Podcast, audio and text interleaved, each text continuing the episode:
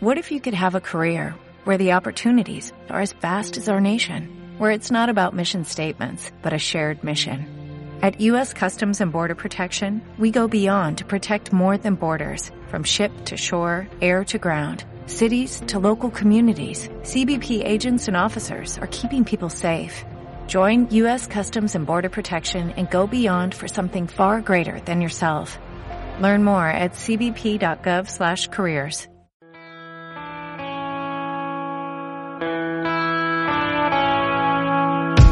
Ciencia 5.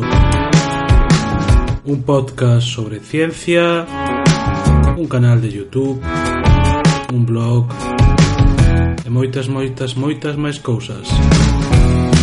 Comezamos.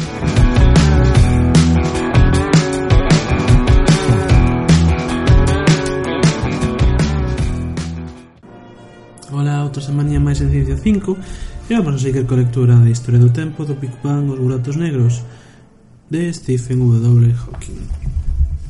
Nos anos que seguiron o descubrimento da existencia de outras galaxias, Hubble dedicou o seu tempo a catalogar as distancias e observar os espectros das galaxias. Naquela época, a maior parte da xente pensaba que as galaxias moveríanse dunha forma bastante aleatoria, polo que se esperaba atopar tantos espectros con movimento cara ao azul como cara ao vermello. Foi unha sorpresa absoluta, polo tanto, de atopar que a maioría das galaxias presentaban un movimento cara ao vermello, casi todas, un desplazamento cara ao vermello, casi todas estaban alexando, alonxando de nosoutros. Incluso, máis sorprendente foi a chega do Hubble que publicou no ano 1929. Nin sequera o desplazamento das, barbe, das galaxias cara ao vermello era aleatorio, senón que era directamente proporcional á distancia que nos separaba delas. Ou dito de outra forma, canto máis lonxe estaba unha galaxia, maior velocidade se alonxaba de nosoutros, outros Isto significa que o universo non pode ser estático, como todo mundo cría hasta ese momento, senón que estáse movendo. Estás expandindo. A distancia entre as diferentes galaxias está aumentando continuadamente. O descubrimento de que o universo se está expandindo foi unha das grandes revolucións intelectuais do século XX. Visto a posterior é natural eh, quedarse impresionado de que ninguén lle se houbera ocurrido isto antes Newton e algún outro científico debería darse conta de que o universo estático empezaría enseguida a contraerse baixo a influencia da gravidade, pero supoñamos que polo contrario o universo expándese, e se estivera expandindo moi lentamente, a forza da gravidade non sería nunca suficientemente intensa como para deter a expansión, e o universo continuaría expandíndose por sempre. A situación sería parecida ao que sucede cando se lanza un cohete caro espacio, dende a superficie da Terra. Esta ten unha velocidade relativamente baixa, a gravidade acabará detendo o cohete que entonces caerá de novo á Terra. Polo contrario, se o cohete posee unha velocidade maior que unha certa velocidade crítica dunhos 11 km por segundo, a gravidade non será suficientemente intensa como para facelo regresar, de forma que manterase alonxado da Terra para sempre. Este comportamento do universo podría, sido, podría ser previsto a partir da teoría da gravidade de Newton no século XIX e no XVIII, ou incluso a finais do XVII. A crenza de que o universo estático Era tan forte que perseguiu ata principios do século XX. Incluso Einstein, cando no 1915 formulou a teoría da relatividade xeral, estaba tan seguro que o universo tiña que ser estático que modificou a teoría para facer que aquilo fora posible, introducindo nas súas ocasións a chamada constante cosmolóxica. Einstein introduce unha nova forza antigravitatoria que, ao contrario que as outras forzas, non proviña de ninguna fonte en particular, senón que estaba inserta na estrutura mesma do espacio-tempo el sostiña que o espazo-tempo tiña unha tendencia intrínseca a expandirse e que esa tendencia tería un valor que equilibraba exactamente a atracción de toda a materia no universo, de modo que sería posible a existencia dun universo estático. Só un home estaba disposto, según parece, a aceptar a, realidade, a relatividade xeral ao pé da letra. Así, mentras Einstein e outros físicos buscaban modos de evitar as predicións da relatividade xeral dun universo non estático, o físico e matemático ruso Alexander Friedman dispúxose, polo contrario, a explicalas. Friedman fixo dúas suposicións moi simples sobre o universo, que o universo parece o mismo dende calquera dirección dende que se observe e que elo tamén sería certo se observara dende calquera outro lugar. A partir destas dúas ideas únicamente, Friedman demostrou que non se debería esperar que o universo fora estático. De feito, en 1922, varios anos antes do descubrimento de Edwin Hubble, Friedman de predixo exactamente o que Hubble atopou. A suposición de que o universo parece o mesmo en todas as direccións e non é certa en realidade. Por exemplo, como xa vimos, as outras estrelas da nosa galaxia forman unha inconfundible banda de luz ao longo do ceo chamada Vía Láctea. Pero se nos concentramos nas galaxias lonxanas, parece haber máis ou menos un número de estrelas, número delas, perdón, en cada dirección. Así o universo parece, estar parece ser aproximadamente o mesmo en calquera dirección, con tal de que se analice a gran escala, comparada ca distancia entre as galaxias e se ignoren as diferencias a pequena escala. Durante moito tempo isto foi xustificación suficiente para a superposición de Friedman, tomada como unha aproximación bastante groseira do universo, do mundo real. Pero recentemente un afortunado occidente revelou que a suposición de Friedman é de feito unha descripción extraordinariamente exacta do noso universo, En 1965, dous físicos norteamericanos dos laboratorios de Bell Telephone en Nova Jersey, eh, Arno Penzias e Robert Wilson, estaban probando un detector de microondas extremadamente sensible. As microondas son igual ás ondas lumínicas, pero cunha frecuencia de orden de só 10.000 millóns de, de ondas por segundo. Penzias e Wilson sorprenderonse ao topar que o seu detector captaba máis ruido do que esperaban. O ruido non parecía provir de ningunha dirección en particular. Ao principio descubriron excrementos de pase no seu detector, polo que comprobaron todos os posibles defectos de funcionamento, pero rapidamente desbotáronos. Isto Isto que eles sabían para por calquer ruido provinte do centro dunha, do dentro dunha atmósfera sería menos intenso cando o detector estivera dirixido cara arriba e cando non o estivera, xa que os raios luminosos atravesarían moito máis a atmósfera cando se recibiran dende, dende cerca do horizonte e cando se recibiran directamente dende arriba. O universo extra, perdón, o universo, sí, o ruido extra era o mesmo que calquer dirección dende a que se fora absorbada, de forma que debía provir de fora da atmósfera. O ruido era tamén o mesmo durante o día e durante a noite, ao longo de todo o ano, a pesar de que a Terra xiraba sobre o Sol e eixe e ao redor do Sol. Isto demostrou que a radiación debería provir de máis alá do sistema solar, incluso dende máis alá da nosa galaxia, pois ao contrario variaría cando o movimento da Terra fixera o detector apuntar a diferentes direccións. De feito, sabemos que a radiación debería viaxar ata cara a nosotros a través da maior parte do universo observable, e dado que parece ser a mesma en todas as direccións, o universo debe tamén ser o mesmo en todas as direccións, polo menos a grande escala. Nesta na actualidade sabemos que en calquer dirección que miremos o ruido nunca variaría máis dunha parte en 10.000, As Pence e Wilson tropezaron inconscientemente cunha confirmación extremadamente extraordinariamente perdón, precisa da primeira suposición de Friedman. Aproximadamente ao mesmo tempo, dous físicos norteamericanos da cercana Universidade de Princeton mm, eh, perdón, no, no, Bob Dick e Jim Peebles tamén estaban interesados nas microondas. Estudiaban unha suxerencia feita por George Camus que fora alumno de Alexander Friedman, relativa que o universo nos seus primeiros instantes debería eh, ser moi quente e denso para acabar blanco e incandescente. Dick Peebles aumentaron eh, Dicke, non Dick.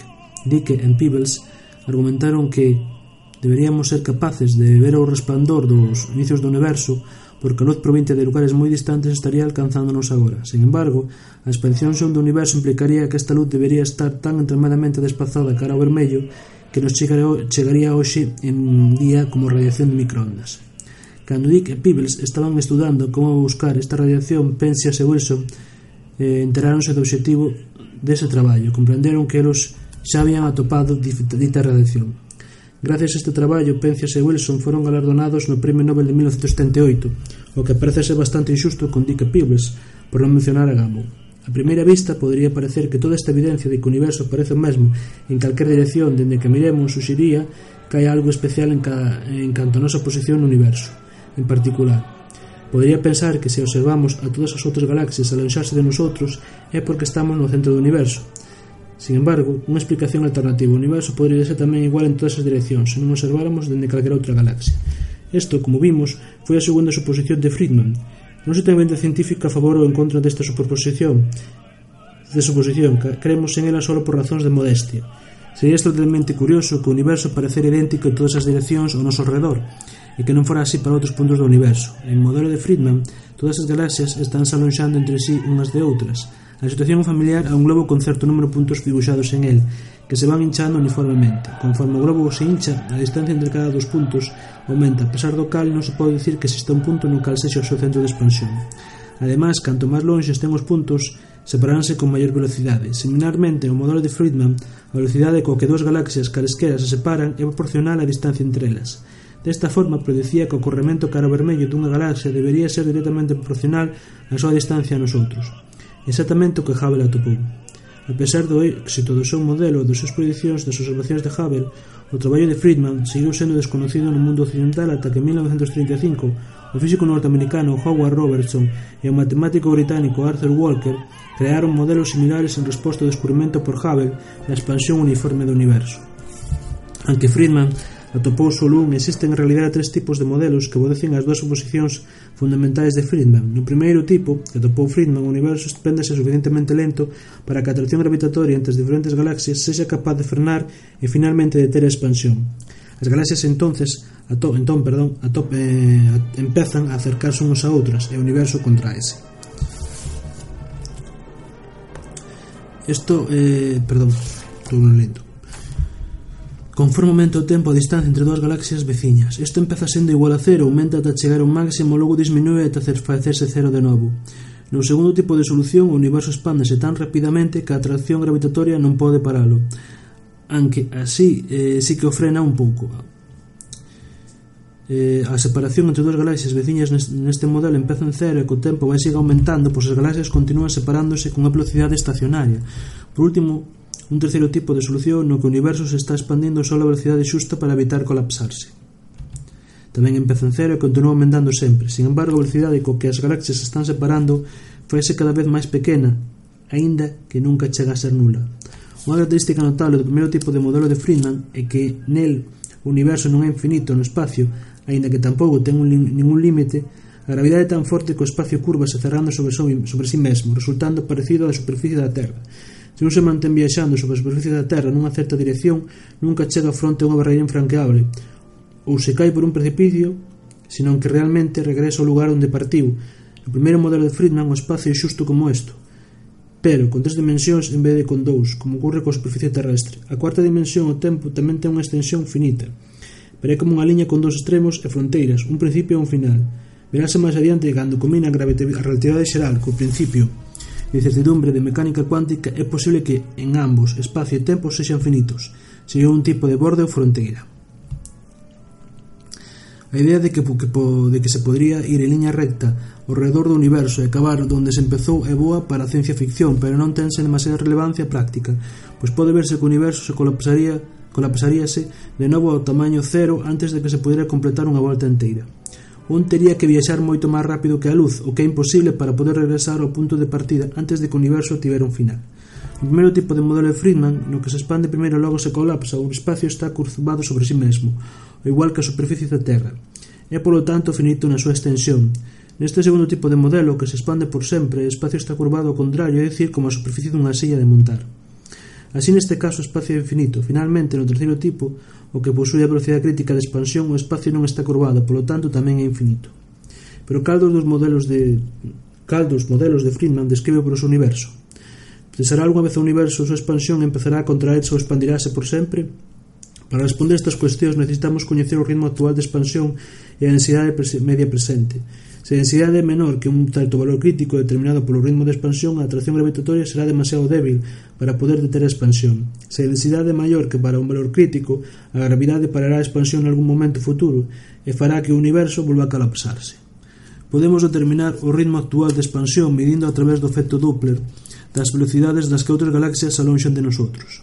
Isto podese facer con moitas precisión, sin embargo, as distancias a outras galaxias non se coñecen ben, porque só podemos medilas indirectamente. Así todo o que sabemos é que o universo se expande entre un 5 e un 10% cada mil millóns de anos. Sin embargo, a nosa incertidumbre con respecto á densidade media actual do universo é incluso maior. Se sumamos as masas de todas as estrelas que podemos ver tanto na nosa galaxia como en outras galaxias, en total é menos da centésima parte da cantidad necesaria para deter a expansión do universo, incluso considerando a estimación máis baixa do ritmo de expansión. A nosa galaxia e outras galaxias deben conter non obstante unha gran cantidade de materia oscura, que non se pode ver directamente, pero que sabemos que debe existir debido á influencia da súa atracción gravitatoria sobre as órbitas das estrelas noutras galaxias. Ademais, a maioria das galaxias se atopan agrupadas en racimos e podemos inferir directamente a presencia de algunha materia oscura perdón, de aínda máis materia oscura en espacios intergalácticos dos racimos debido ao seu efecto sobre o movimento das galaxias. Cando sumamos toda esa materia oscura, obtemos tan solo a décima parte aproximadamente da cantidad requerida para deter a expansión. Non obstante, non podemos excluir a posibilidade de que poida existir algunha outra forma de materia, distribuída case uniformemente ao longo e ao ancho do universo, que ainda non eh, detectáramos, e que podría elevar a densidade media do universo por cima do valor crítico necesario para deter, deter a expansión. A evidencia presente suxire, polo tanto, que o universo se expandirá notablemente, probablemente, por sempre, pero que do único que podemos estar verdadeiramente seguros é que se o universo dicen en momento de que o universo se fora a colapsar non o faría como mínimo en outros 10.000 millóns de anos, xa que este, eh, estivo expandéndose polo menos esa cantidad de tempo. Isto non nos debería preocupar indebidamente, para entonces ao menos que xa colisionar, ou polo menos que colonizáramos máis alado do sistema solar, a humanidade terá tempo para Fará tempo xa que se desaparecera, extinguida xunto ao noso sol. Todas as solucións de Friedman comparten o feito de que en algún tempo pasado entre 10 e 20 mil millóns de anos a distancia entre galaxias veciñas debería haber sido cero. E en aquel instante chamamos Big Bang a deseado universo curvatura de espacio-tempo eh, serían infinitas. Dado que as matemáticas non poden manexar realmente números infinitos, isto significa que a teoría da relatividade xeral na que se basan as solucións de Friedman predice que hai un punto no universo en donde a teoría si colapsa. Tal punto é un exemplo de que os matemáticos chaman unha singularidade. En realidade, todas as nosas te teorías científicas están formuladas baixo a suposición de que o espacio-tempo é uniforme e casi plano, de maneira que nelas deixan de ser aplicables a singularidade do Big Bang, onde a curvatura do espacio-tempo é infinita. Isto significa que, aunque houbera acontecementos anteriores Big Bang, non podería ser utilizar para determinar o que sucedería despois, xa que toda a capacidade de produción fallaría no Big Bang. Igualmente, se como é o caso só sabemos o que, está, o que sucedeu despois do Big Bang, non poderemos determinar o que sucedeu antes. Dende o noso punto de vista, os sucesos anteriores ao Big Bang non poden ter consecuencias, polo que non deberían formar parte dos modelos científicos do universo. Así pois, deberíamos extraeros de calquer modelo e decidir que o tempo ten un principio no Big Bang. A moita xente non lle gusta a idea de que o tempo terá un principio, probablemente porque soa sona a intervención divina, A Iglesia Católica, polo contrario, propioso do modelo do Big Bang en 1951 proclamou oficialmente que estaba de acordo coa Biblia. Por elo, houve un bon número de, de intentos para evitar a conclusión de que, que fora un Big Bang. A proposta que conseguiu un apoio máis amplio foi a chamada teoría máis amplio, perdón, foi a chamada teoría do estado estacionario, steady state, foi suxerida no ano 1948 por dous refuxados da Austria ocupada polos nazis, Hermann Bondi e Thomas Gold, junto con un británico Freddy Hoyle que traballara durante, para con eles durante a guerra no desenvolvemento do radar. A idea era conforme as galaxias iban van unhas de outras, novas galaxias formábanse continuadamente e nas rexións intergalácticas a partir da materia nova que era creada de forma continua. O universo parecería, así pois, aproximadamente o mesmo en todo o tempo e todo o punto do espacio. A teoría do estado estacionario requería unha modificación da relatividade xeral para permitir a creación continua de materia pero o ritmo de creación involucrado era tan baixo, aproximadamente unha partícula por kilómetro cúbico ao ano, que non estaba en conflito cos eh, experimentos. A teoría era unha boa teoría científica, no sentido escrito no capítulo 1, era simple e realizaba predicións concretas que podrían ser comprobadas mediante a observación. Unha das predicións era que o número de galaxias ou obxetos similares en calquer volumen dado do espacio debería ser o mesmo onde quera e cando quera que miráramos o universo. E por aquí rematamos, marcamos onde quedamos para ir a semana que ven. Empezamos a temporada e seguiremos uns capítulos máis hasta que esta temporada o libro remate a temporada remate. Teredes un especial dentro dunhos días. Moitas gracias, moita ciencia